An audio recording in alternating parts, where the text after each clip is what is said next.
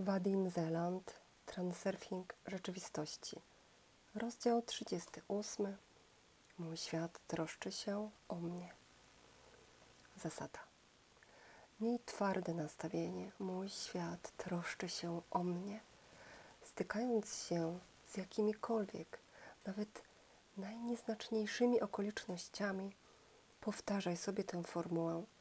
W każdym wypadku, niezależnie od tego, co się dzieje, coś złego czy dobrego, jeżeli spotyka cię sukces, nie zapominaj powtórzyć sobie, że świat rzeczywiście się troszczy. Konstatuj ten fakt nawet w przypadku drobnostek. Kiedy zderzacie się z przykrą okolicznością, i tak powtarzaj, że wszystko idzie jak trzeba. Twój świat dobrze wie, jak o ciebie zadbać. Będzie tak, jak patrzysz na zwierciadło. Jeżeli do amalgamatu zwierciadła doda się złota, jak robili to weneccy mistrzowie, odbicie zacznie przybierać coraz cieplejsze barwy. Ponieważ świat jest zwierciadłem, można go dostosować w podobny sposób.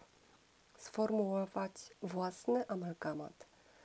W charakterze dominanty można wybrać na przykład następującą definicję. Mój świat troszczy się o mnie. Przyjmij to jako aksjomat. Nastaw swoje postrzeganie świata celowo, zgodnie z dominantą, a wtedy zobaczysz, jak odreaguje zwierciadło.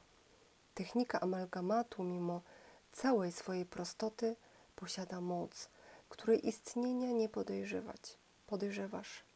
Jeżeli starczy ci cierpliwości, by zmienić tę technikę w nawyk, po jakimś czasie będziesz dosłownie wstrząśnięty tym, w jakim stopniu realny wpływ wywierają myśli na otaczającą cię rzeczywistość.